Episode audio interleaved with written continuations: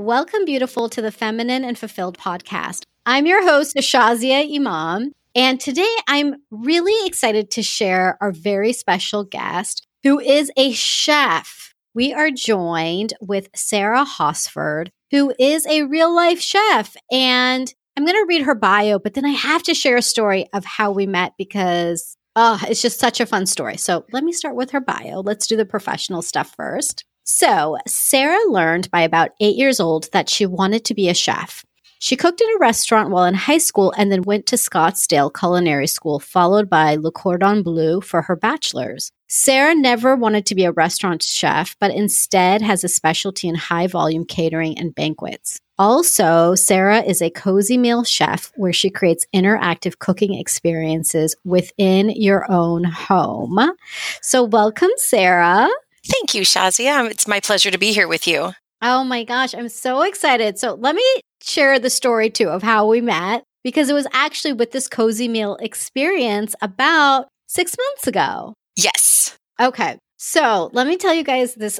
It's just such a good story. So it was my birthday and I had come home and my husband every year he tries to plan surprises for me because I love surprises. And so I was at home. My husband had told me in the morning to be ready for something in the evening. And I was like, okay. And he's like, you know, just like be ready for me to do something. Somebody's going to come. And I'm like, okay. So I'm like, what should I wear? And he's like, you know, just be comfortable. And I'm like, okay. So the evening comes and somebody knocks at the door and he goes uh, down to, you know, open up the door and this woman walks in. And I'm like, okay. So Antonio's like, this is Sarah, and she's a chef, and we're going to learn how to cook tonight. and I'm laughing because I don't like cooking, you guys. I do not like to cook. And this is supposed to be my birthday surprise. And I'm like, uh, and I don't have a poker face, right, Sarah? So, so I kind of like, okay. And, you know, trying to be polite because there's this woman standing now in my living room. and clearly we're going to be spending the evening together. So Antonio sees my face and he's like, Well, I wanted to bring her in because actually I want to learn how to cook and, you know, help you out in the kitchen and also cook. And that was the best gift ever. I was like, My husband wants to learn how to cook. Yes, please.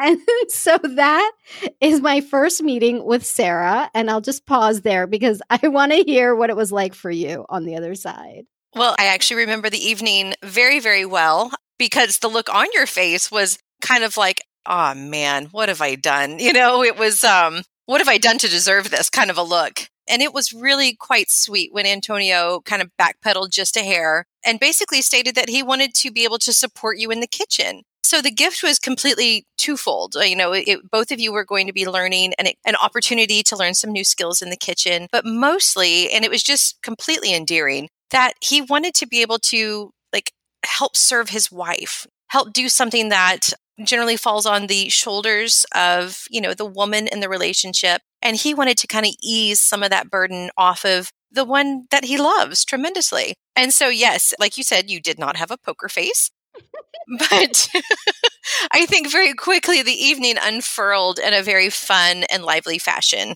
Yes. Oh my gosh. So you're absolutely right, Sarah. And it was just so endearing. And I was just, I was smitten after that point. I mean, my husband saying, I want to learn how to cook. Ugh.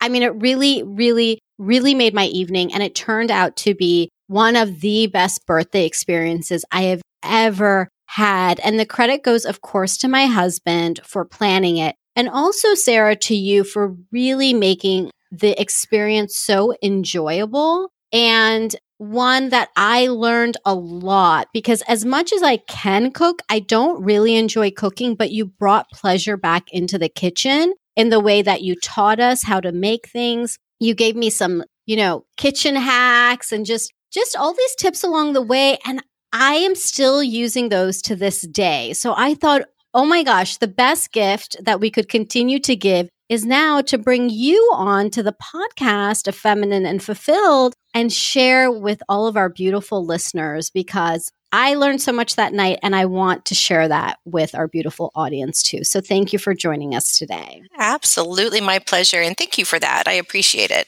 Sure. So let me just let the audience know when you came that night, you do work with Cozy Meal, and we did an Italian meal. So, can you give us just a bit of background about these experiences that you create and how that works? Sure, absolutely. So, Cozy Meal is a company that was formed in San Francisco about five or six years ago. And they have steadily moved down the West Coast and then they hopped over to the East Coast. And then now they're kind of conquering Middle America, if you will. And all it is in a nutshell is it is a interactive cooking experience in the privacy of your own home. And I was attracted to that concept because I have taken cooking classes because people think that's a great gift for me. Um, and I say that tongue in cheek because I'm like, oh, thanks. Because, um, you know, that's what I do in my, my professional career and it's what I do in my spare time. And I thought, wow, this is now my fun. But I've taken cooking classes where I have not enjoyed myself because I have been stuck with table mates that might not have been a lot, you know, lively or table mates that didn't want to have conversation with the rest of us. So to have the whole experience in the privacy of your own home really came alive for me. I thought, now that's something I can do. I'm also not very shy. So talking to strangers about anything is perfect for me because I've been told I could talk the paint off of a wall. And then the cooking aspect. So the meal that we did was my romantic Italian dinner, which is my most popular class through Cozy Meal. The wonderful part is, is I get to design my own menus and then we get to create together the whole dinner. And so together we created your dessert for the evening, which was a tiramisu. And then we moved into an appetizer, which was a tomato bruschetta. And then we finished off the whole evening by making pasta from scratch, a paillard of chicken, which we turned into a piccata. And the best part is, is granted, I, I love being a part of the, whatever the occasion is. It could be for your case, it was your birthday. It could just be a random date night. You know, it could be any amount of things that I'm walking into. But the best part is, is we get to have this wonderful camaraderie. And at the very end, I get to plate you up. I get to sit you down. And then you actually do get to sit and enjoy your date night or the rest of your birthday celebration without me standing there staring at you guys. So Cozy Meal has just been a ton of fun for me. I, I truly enjoy the experience. Yeah, it was exactly the way you described it. You know, from my side, being, you know, the one who got to experience and learn and then enjoy the meal. I mean, one of my dreams in life is to have a personal chef. I, I think people dream about, you know, taking vacations and buying a big house or a nice car. And I'm like, no, I just, I really wish somebody would cook for me. like, I, that's my dream in life. And that's what happened, although we did cook, of course. But at the end of the night, to have this really delicious meal that we had created together. And like you said, pasta from scratch. Yes, we did pasta from scratch. It was so much fun. And to enjoy the meal at the end and like taste the flavors and like really be in this experience, it's just something that I will never forget. So I can only imagine for you being on the side to create this experience, how magical that must be.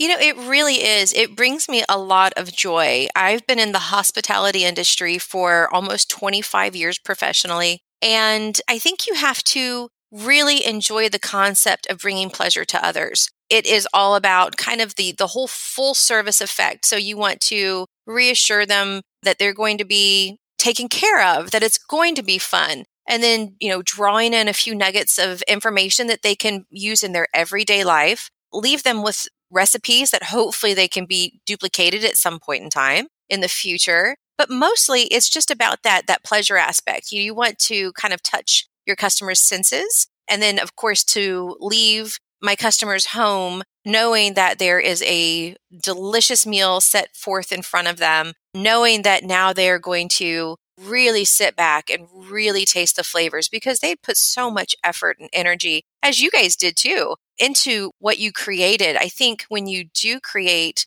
a dish like we did, the chicken piccata with the scratch made pasta, you really are like, okay, I can taste all of these wonderful flavors that we put together into the pan, or I can really appreciate the texture of the pasta because my little hands created that. You know, it just, I can walk away with a huge sense of satisfaction from every single one of these occurrences through Cozy Meal. Mm. Oh my gosh, yes. And we basically documented the whole experience too. So if you're listening and you're like, oh my gosh, I want to see this meal, I want to see how the pasta was made, we actually, Sarah was so patient with me. I documented all of it. And so if you want to grab those photos and those videos, you can grab it at our show notes at thelifeengineer.com slash podcast slash Sarah so that you can really be in the experience too. And Sarah, I would love for you to really take us now into the kitchen. We can either go through the meal we did together or we can go through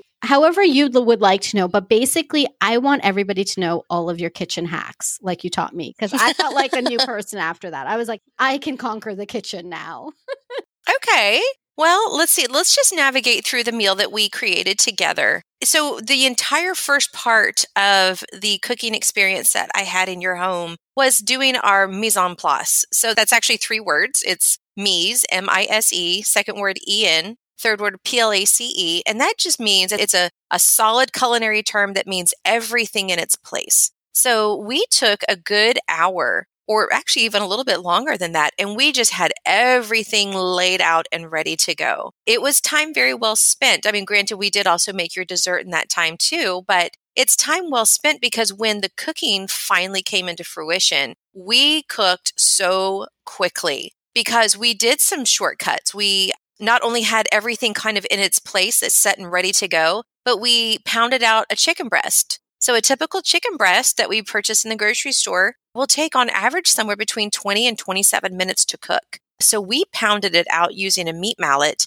and we took that 20 to 25 minutes cook time and we shortened it down to about eight. And so this is something that anybody can do on a prep day. Like I take Sunday afternoons as my prep day for my own self at home. So everybody can pound out some chicken and leave it in a baggie, maybe put some marinade in, and then you can actually have box pasta cut up some tomatoes for like a chicken bruschetta with a little box pasta. And you can have that entire meal on the table in about 20 minutes. And so that's something that a lot of people can take home with them, like even pounding out chicken, pounding out a pork chop, things of that nature that will just shave off 10, 12 minutes of cook time. And that's precious time, especially you know, if both parents are working or if there's activities in the household that the kids have to go and do, all of that stuff is extremely time consuming. So anytime that you can shave off minutes in the kitchen is just paramount. Let's see, what else did we do? We, oh, I had everything kind of measured out. So this is something else that can be done very, very easily. Again, on a prep day, maybe set aside two hours for yourself in the kitchen, say on a Sunday afternoon, to kind of get your weekly menu set up and ready to go because there's truly nothing worse than coming home after, you know, being on your feet for 8 or 10 hours and then coming home and just feeling devastated because there's absolutely nothing ready to go. So like for our chicken piccata in an everyday state, we can have like our chicken stock already measured out, we can have our lemon juice squeezed, we can have our parsley minced and dried and ready to go, chicken pounded out. All of these wonderful things that you can already have kind of mised out, and that's a kitchen term. That's just taking that word mise en place and then breaking it down to almost like a slang word. So mised out. And then again, you can recreate the entire dinner that we did in essence of 20 to 30 minutes, of course, using box pasta, which is very acceptable. I don't want anybody to think I'm besmirching the box pasta because it's a perfectly fine thing, but it's really a fantastic thing when you can make it on your own. So, one of the things you know, you've been talking about pounding out chicken. And I know that, you know, maybe somebody's just imagining you take a piece of chicken and you pound it out. But there was actually this really cool trick that you taught me that day about leaving the chicken in the Ziploc bag. And I'll let you take it from here. This is so cool. Okay. So, yes. So, when we pound down chicken, so basically, if you'll just envision with me a piece of or a boneless, skinless chicken breast, the very top part is a lot thicker than the very narrow tapered end at the end. And when you put that into a pan or into the oven, the very narrow part is going to cook well before the very, you know, larger, thicker part at the top will ever cook. So we'll always have an inconsistency when we cook chicken. So, and a lot of people will overcook chicken because they're terrified of like salmonella. We only have to reach a temperature of 165 for chicken to be very properly cooked. Most people cook their chicken to 200 or above out of fear. But let's go back to that chicken. So, to keep the very thick part of the chicken from being undercooked while the very tapered part is going to be very well done, we put the boneless, skinless chicken breast into a gallon size baggie, a little bit more heavy or gauge. So, I always choose a freezer baggie as opposed to just a regular bag and keep that sealed up and utilizing the flat end of a meat mallet or the bottom of a small saute pan or a pot, you can pound out that chicken and it will actually take away that very thick upper part of the chicken breast and it'll make it a lot more consistent with the more narrow part of the chicken. And that can be left in the baggie for up to three days easily in your refrigerator. So again, that harkens back to what can I do on a Sunday afternoon before the work week starts again? Go ahead and pound out that chicken. Maybe, like I said, throw in some marinade, and then you have until Wednesday evening truly to cook that. You can even pound out your chicken breast, put the marinade in it, and throw it in the freezer. And then whenever you're ready for it, it is sitting there waiting for you. And it's little tips like that that can make life so much nicer when it comes to cooking dinner. I want to just tell you, I was a really good student, Sarah, and I have been doing that. I have been marinating chicken breast, pounding it out, and then leaving those baggies in the freezer. And it's been so helpful and easy for me to just pull them out. Or even when I travel, Antonio can pull them out and he can cook it up too, because while he had really good intentions to cook more in the kitchen, it, it's still me honestly. yes, yes, I understand this. so there was one more thing that you had shown me just staying with the you know the chicken breast in the ziploc bag where then when you actually pull it out to cook there was one more trick that you showed. This was a great hack to not get anything messy in the kitchen. So gallon size baggies are like my best friends in life. I love them i love them i love them. But what most people don't realize is that when you open the baggie you can actually pull very quickly on the very edges of the bag and along the seam, the baggie will just split right open. And that is fantastic. So now you don't have to insert your hand into a slimy chicken bag because texture really is an off putting thing for a lot of people. So if you just tear that baggie along the seams, it'll actually just open right up. And then you can just grab the chicken and then that everything that was in that chicken baggie is still in the chicken baggie. So you just like take it, you know, pull it up by the sides and escort it into the garbage can. And then your hands are relatively chicken free. So that at least the chicken juices aren't on the top of your hand, on the wrist, on the, you know, every place on your hand. So tearing the chicken baggie is one of those things that I think most people don't think, oh, I can tear the bag. But it's so off putting to stick your hand inside kind of a slimy little chicken bag. So that's one of those little tips and tricks that I I truly enjoy sharing because a lot of people do have kind of a consistency or a texture thing. So I hope that that was yeah, I always hope that that's something that people will carry on because when they see that a bag can tear down the seams, they're like, "What just happened?" mm-hmm. yeah, that was like a huge aha. I was like, "Wow!" You know, sometimes the smallest things, do you ever get surprised by what people are just amazed by in the kitchen? Yes, I am because I know one trick in life, and that's how to cook. And when I see people that are truly novices in the kitchen, it's really interesting to see things from their point of view because I've been in it, I've been in the industry for so long that I forget that people don't operate like I do. And so when I see somebody whose mind is blown from seeing the chicken baggie torn down the seams, I'm like, oh yeah, mm-hmm. you know, that is a sweet trick. But it's funny to see kind of like the little light bulb going off, and they're like, wow, that's fantastic. And if touching raw chicken completely just unhinges you, you don't even have to pick the chicken up by the chicken. You can hold it at the very, very end of the baggie with the, your fingers enclosed over the chicken, still with the bag. So you're technically not even touching it. And then you just roll the bottom part of the bag as you're resting the chicken into the pan. And then your hands are completely chicken free and you've never even touched it. So that could also be kind of a game changer for somebody who absolutely hates to, you know, the feel or the touch of the raw meat. Mm, yeah. And I actually have a number of friends who don't like to cook meat because they don't like dealing with it, you know, mm-hmm. and especially with chicken and, you know, all the issues with it being, you have to be so careful with food poisoning. It's so nice to have these tips to really prevent it from cross contamination, not having to touch it. I mean, all of these things because we just threw that Ziploc away and there was nothing touched at all.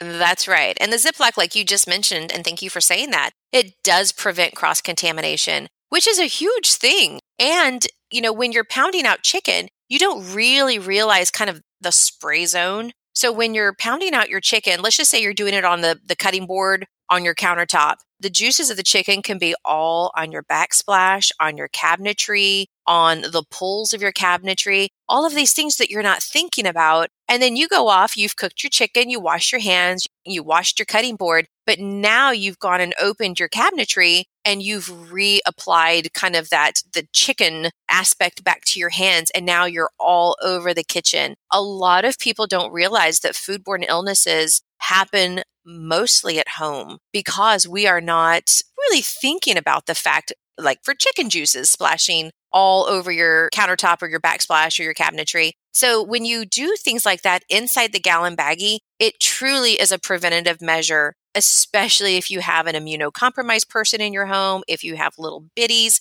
little bitty kids running around in your home. This is, like I said, the baggie's like my best friend ever. So having the chicken contained inside, these are things that you don't even have to think about now. You don't have to think about, oh, maybe I should wash down my cabinetry. Maybe I should wash my backsplash. The chicken or the bag has contained it all. And it's just a marvelous thing. So nice. Okay. So, one of the other things that you shared that really transformed my cooking experience is really getting comfortable with food. So, let's go to when we made the bruschetta. So, we had, you know, you brought the mise en place, which also I didn't even know that term. So, one of the most simplest things was the tomatoes, which is, you know, one of the ingredients of bruschetta. Mm-hmm. And I remember you shared a conversation with me about how you actually picked out the tomatoes. And this is a method you use for almost all produce. Can you share that with us? Yes, absolutely. So everything is very seasonal. Well, it used to be very seasonal. Nowadays, things like tomatoes are not necessarily a seasonal product now. If it were, we would only see tomatoes in the grocery store during the summertime months. And that's not very practical. So, of course, back in the day, that's just the way it was. But when I shop for my ingredients for Cozy Meal or for myself or for, you know, the students that I teach here at, at my school, we shop with our eyes and our senses. So when I go to the grocery store, if something doesn't look right, I'm not going to purchase it. And tomatoes are one of those things. The recipe, as it's written that I gave to you for our experience, it says eight Roma tomatoes. And if my memory serves correct, we were, when did I see oh, you? Oh, this was in March. Okay, so it was in March. So March is not typical tomato season, and it's certainly not Roma tomato season. And so when I shop for things, I'm really utilizing my senses. So if I see tomatoes that are hard as a rock or they absolutely have no aroma, I will pass those by. If it's not Roma tomato season and the recipe says Romas, I really want my customers to be very confident in going to the grocery store and going, you know what? This is the tomato that is exciting my senses. It smells like a tomato. It looks like it's been, you know, ripened on the vine. It is not hard as a rock, nor is it soft and mushy. I hope that you walk away from the grocery store with the product in your basket that makes you excited to eat it. If you were to go to the store and the Roma tomatoes, I'm sorry to pick on those, but I will. But if if you go to the market and the Romas are not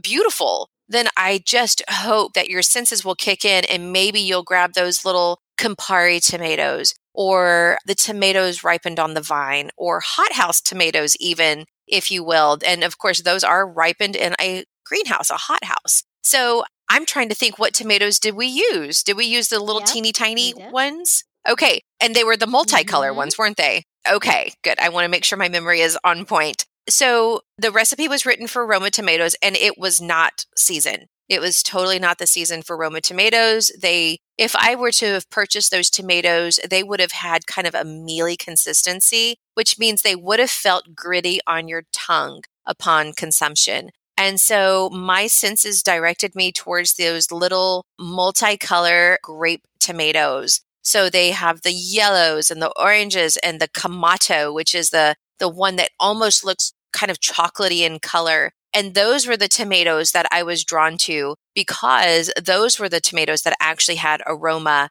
And if they're going to have the aroma, they're going to have the flavor. So, regardless of what the recipe said, I actually deviated before I even showed you the recipe because I wanted you to have the best experience. I could have easily have just gone and picked up those mealy Roma tomatoes, but your bruschetta would not have tasted as lovely as it did. And so that's something I hope that when you go to the grocery store, regardless if you've got a recipe in front of you and it says, you know, Roma tomatoes, I want your senses to guide you when you're at the store. That's the most important thing because if you let your senses guide you, then your palate will thank you because the flavors will burst forth and it'll just be so much more worth it. So, you know, again, and I think I even apologized. I'm like, oh, we're not going to have Romas just because it would have been a, a subpar product for you. And that's never my inclination. I, I don't ever want to arrive in somebody's home and go, well, here's all this subpar stuff let's go. You know, I want the experience to be absolutely fantastic. And so sometimes that means deviations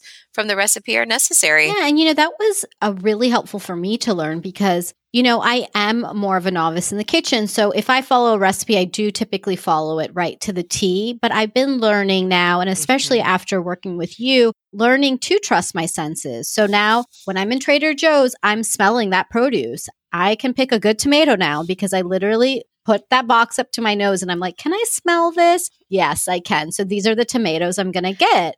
Right. That is fantastic. And that's like, that's all I can ever hope for because you've now taken a slight deviation from the recipe. But again, the flavor profile will reward you endlessly. And that's something I like to try to tell not only the students that I teach every day here at school, but also in my cozy meal experiences. I try to always say something to the tune of a recipe is just a roadmap. While you are navigating the recipe, it is totally up to you if you want to take a detour or if you want to merge over here. You have to have that confidence level in knowing that just because the recipe says X, Y, and Z, maybe you don't have access to Y. Just go ahead and do it, and it's still going to taste really, really good. And that's where having a little bit of confidence in the kitchen really pays itself forward. Yeah. And you know, using the same example of the bruschetta, there are a few things. It's interesting, such a simple dish. And I actually learned a lot. So, learning about using our senses in purchasing the right ingredients, but you use that same sense of smell when we toasted the bread. I thought that was very interesting. Yes, ovens are very unique. and I've come to find this out after, again, almost 25 full years of being in the industry. Everybody's ovens are completely unique. And so when I can put a time on a recipe that says, oh, anywhere from seven to 18 minutes, but my gosh, that is a broad range. And let's just say that you're like, okay, well, I've got seven to 18 minutes. I'm going to go and fold this basket of laundry. And you come back and your toast is, well, toasted, if you will, and burnt to a crisp. So what we did is we use our sense of smell. And so when we put the bread into the oven, as opposed to saying, okay, guys, we're going to check back on this between, you know, seven and 18 minutes, I said, we're going to wait until we smell the aroma of toast because that again takes out that kind of um, really broad time frame that things can go truly amiss very very quickly in such a broad time frame but you're also activating your senses. When you're using your senses to kind of alert you of what's happening you're actually not only like okay i'm smelling toast. That is a good indicator that it's toasting but you're also really starting to activate your appetite eating when you're actually hungry when you get to that period of being feeling satiated you actually kind of almost feel like a you've risen to the top of the mountain and now you're coming down the side of the mountain. It's almost like a sense of, oh, look what I've just accomplished. It, you're really activating your appetite when you're using your senses. And then when you eat that meal, you're kind of like, like a crescendo. When you meet the crescendo when you're eating, and then when you're done, you almost have exhausted all of your senses. It's a wonderful way to navigate through the kitchen. Mm. And can you explain what crescendo means? Okay, so I I played the violin for a very short period of time in, in middle school, but a crescendo would be kind of that climactic moment of music when everything comes together and then it almost falls silent afterwards. And so that's kind of what you're experiencing the kitchen when you're activating all of your senses. It's like everything is coming to this point and then when you take a bite it's almost like a release you're like oh right that's Mm. it's almost like your senses have been met or even exhausted Mm. Okay, all you had to say was climactic. I get it. Okay. okay I love it. I love where this is going. Pleasure and sensory and climactic. Okay, but we're going to keep this.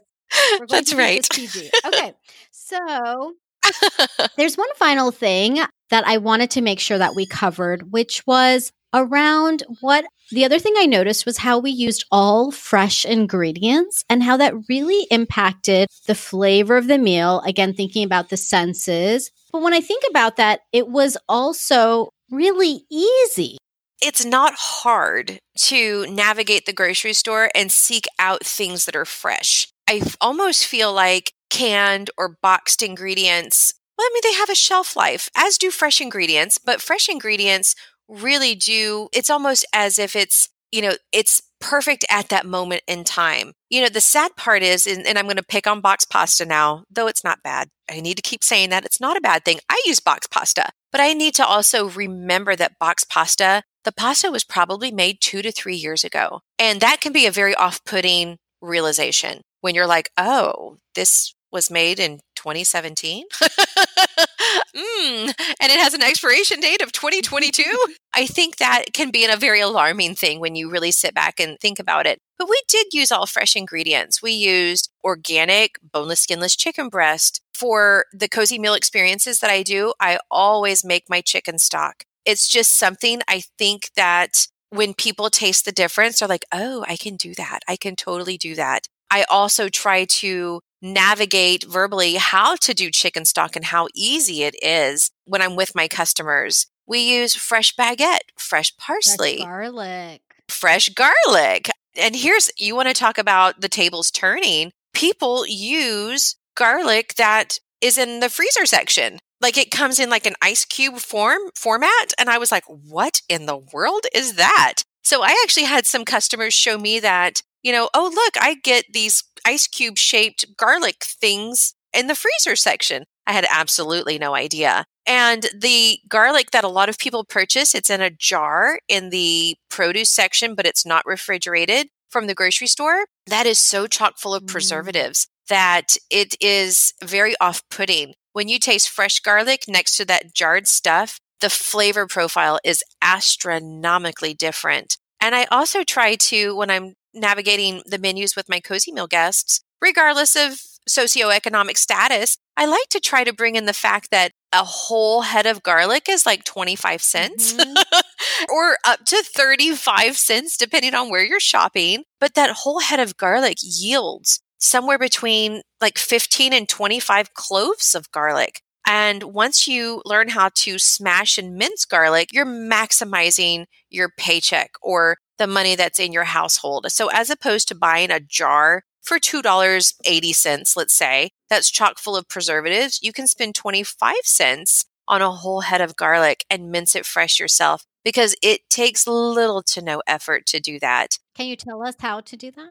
Absolutely. So, a whole head of garlic is encased in its papery kind of binding. And then, when you just apply some pressure to that whole head of garlic, all of the individual cloves will start to kind of break away from the head. And that's how you can keep your garlic and you can keep it in on the countertop. It does not need to be refrigerated. A whole head of garlic should last a good two to three weeks in your, you know, on your countertop just fine. And then when it comes time to mince the garlic, you take the individual clove and you can wiggle the papery exterior off. So when I say wiggle, you just navigate your left hand and your right hand opposite of each other and the paper will start to fall away. Or you can give it just a gentle little tap on the cutting board with the back side or the flat side of the knife and discard the papery part of the garlic. There's also a little nubby part that attaches the garlic clove to the whole head of garlic. And it's just a little discolored, gnarly little bit that I always take off. So I do that. And then I lay the garlic clove down on the cutting board on its most stable side. So a side that's not going to roll around. I place my knife flat, the blade of my knife flat on top. And then I take my palm and I go from up in the air down to the clove or onto the blade of the knife, which is resting on top of the clove. And I come straight back up. And when you do that, you've smashed your garlic clove. All you have to do now is just mince your knife through the garlic, and then you have minced garlic in seconds. And you can do this very, very easily with your entire head of garlic if you are making something extraordinarily garlicky. But it's truly an easy thing to be able to do. There are multitudes of videos on YouTube. So if you're not terribly clear with my description of what I've just gone through, you can Google that or look it up on YouTube and you can see chefs that have their own stations on YouTube and that can walk you through those processes. Yeah. I mean, just like the garlic thing was life changing too. I've started buying fresh garlic because the smell of fresh garlic, the taste of fresh garlic, like you said, it's so fascinating to me that the way that we can shop for groceries, you know, to to have some like garlic, for example, that we're holding in the fridge for this X amount of time and not getting that flavor profile, like you said, versus, you know, mm-hmm. mincing garlic takes two seconds. I love the smashing process, you know, it gets a little right. bit of aggression out. It's kind of fun.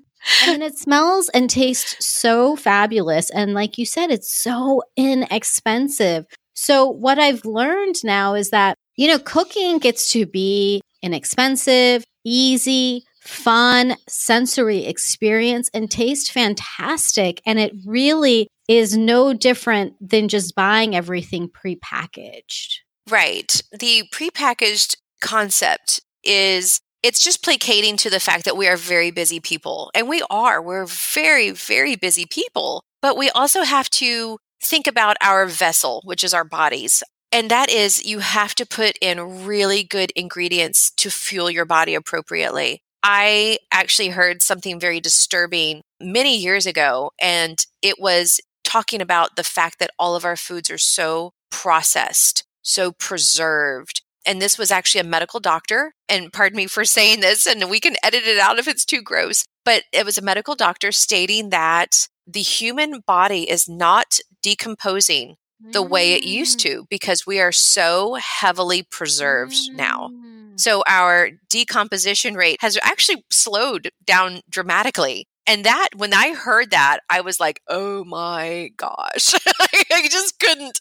I literally could not. And so I just made a very conscientious effort to really take those types of things out of my home. Not because I am concerned about my post mortem decomposition, but I was, it freaked me out to the point where I thought, my gosh, what are these foods doing to our mm. bodies? And so anytime that I can get my hands on something in its whole state, I just feel tremendously better putting it in my body, in my child's body, in my husband's body, especially my child who is a you know 14 years old and he's already almost six foot three and he does not need you know steroid pumped chicken and he does not need all of this stuff because he's already a giant child and i need to make sure that his little body uh, his giant body is as healthy as it can be because you know i see the statistics of cancer rates are on the rise and dementia's on the rise and alzheimer's on the rise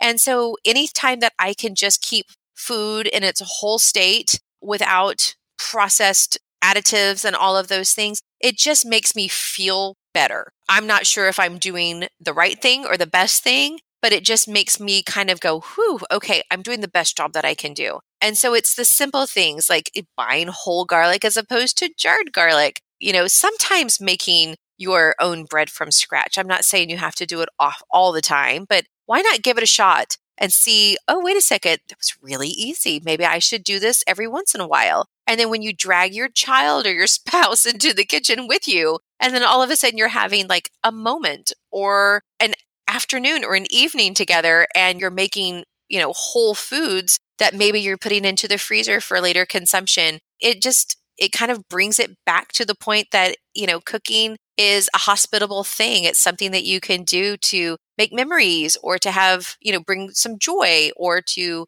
maybe, you know, like I just said, force your family to join you in the kitchen. It's just a, one of those things that I like to look at kind of the overall big picture of what food does for Absolutely. us. Absolutely. And thank you for making it easy for us and enjoyable and pleasurable because it it really is. And I learned that from you. So thank you so much, Sarah. And for those who want to connect with you, either have a cozy meal experience or or maybe reach out to you to learn some more, how can they find you? Well, I am not terribly established. So if you want to have a cozy meal experience, go to cozymeal.com and you will be able to click Dallas as your city of choice for navigating. I'm one of, I think, eight chefs on Cozy Meal. And then you can click my profile and you can learn a little bit more about me and the recipes and the menus that I offer through that. And then if you're just looking for, you know, maybe some help learning how to maybe compartmentalize your production, I say kitchen production, sorry,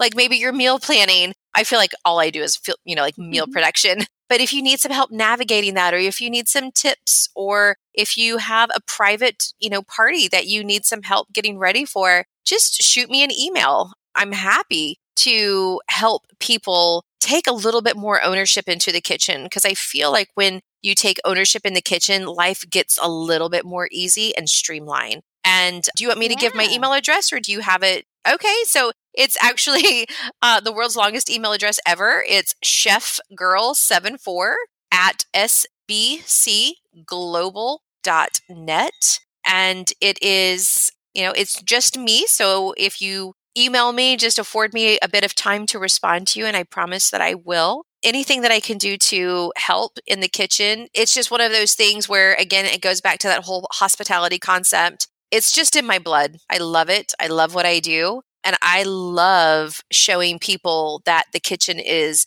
not a scary place to be. Well, thank you for doing that. We will put a link to Cozy Meal as well as your email address on our show notes at thelifeengineer.com slash podcast slash Sarah. And like I mentioned earlier, too, if you want to see the experience that my husband and I had with Sarah, you can also grab those at the show notes as well. We'll put a link to that so you can be a part of this experience. And Sarah, thank you again for joining us today, sharing your expertise, sharing your thoughts, and just opening up the kitchen to truly be a sensory and pleasurable experience. I mean, that was a game changer for me, and I so appreciate you for that. It was absolutely my pleasure. It was so much fun being part of your birthday experience. That's probably the best part about Cozy Meal is I get to be a part of celebrations and they don't leave my memory. They memories stay with me and I truly enjoy it. And thank you so very much for inviting me onto your podcast. This has been a lot of fun. Oh, and one last thing before I forget, I wanted to give you a really special gift because how could I not? I actually have a list of my favorite things that make me feel feminine and fulfilled. And I would love for you to have it so that you can grab whatever you want from the list. So if you want to see my list of my favorite things, go to thelifeengineer.com slash favorite. And it is a full list of all of the things that I love and all the links for you to grab them. So that's thelifeengineer.com slash favorite. And I just had to give you a gift, beautiful, because you deserve a fabulous gift. And why not all of the most favorite things to make you feel feminine and fulfilled? Okay. Love you.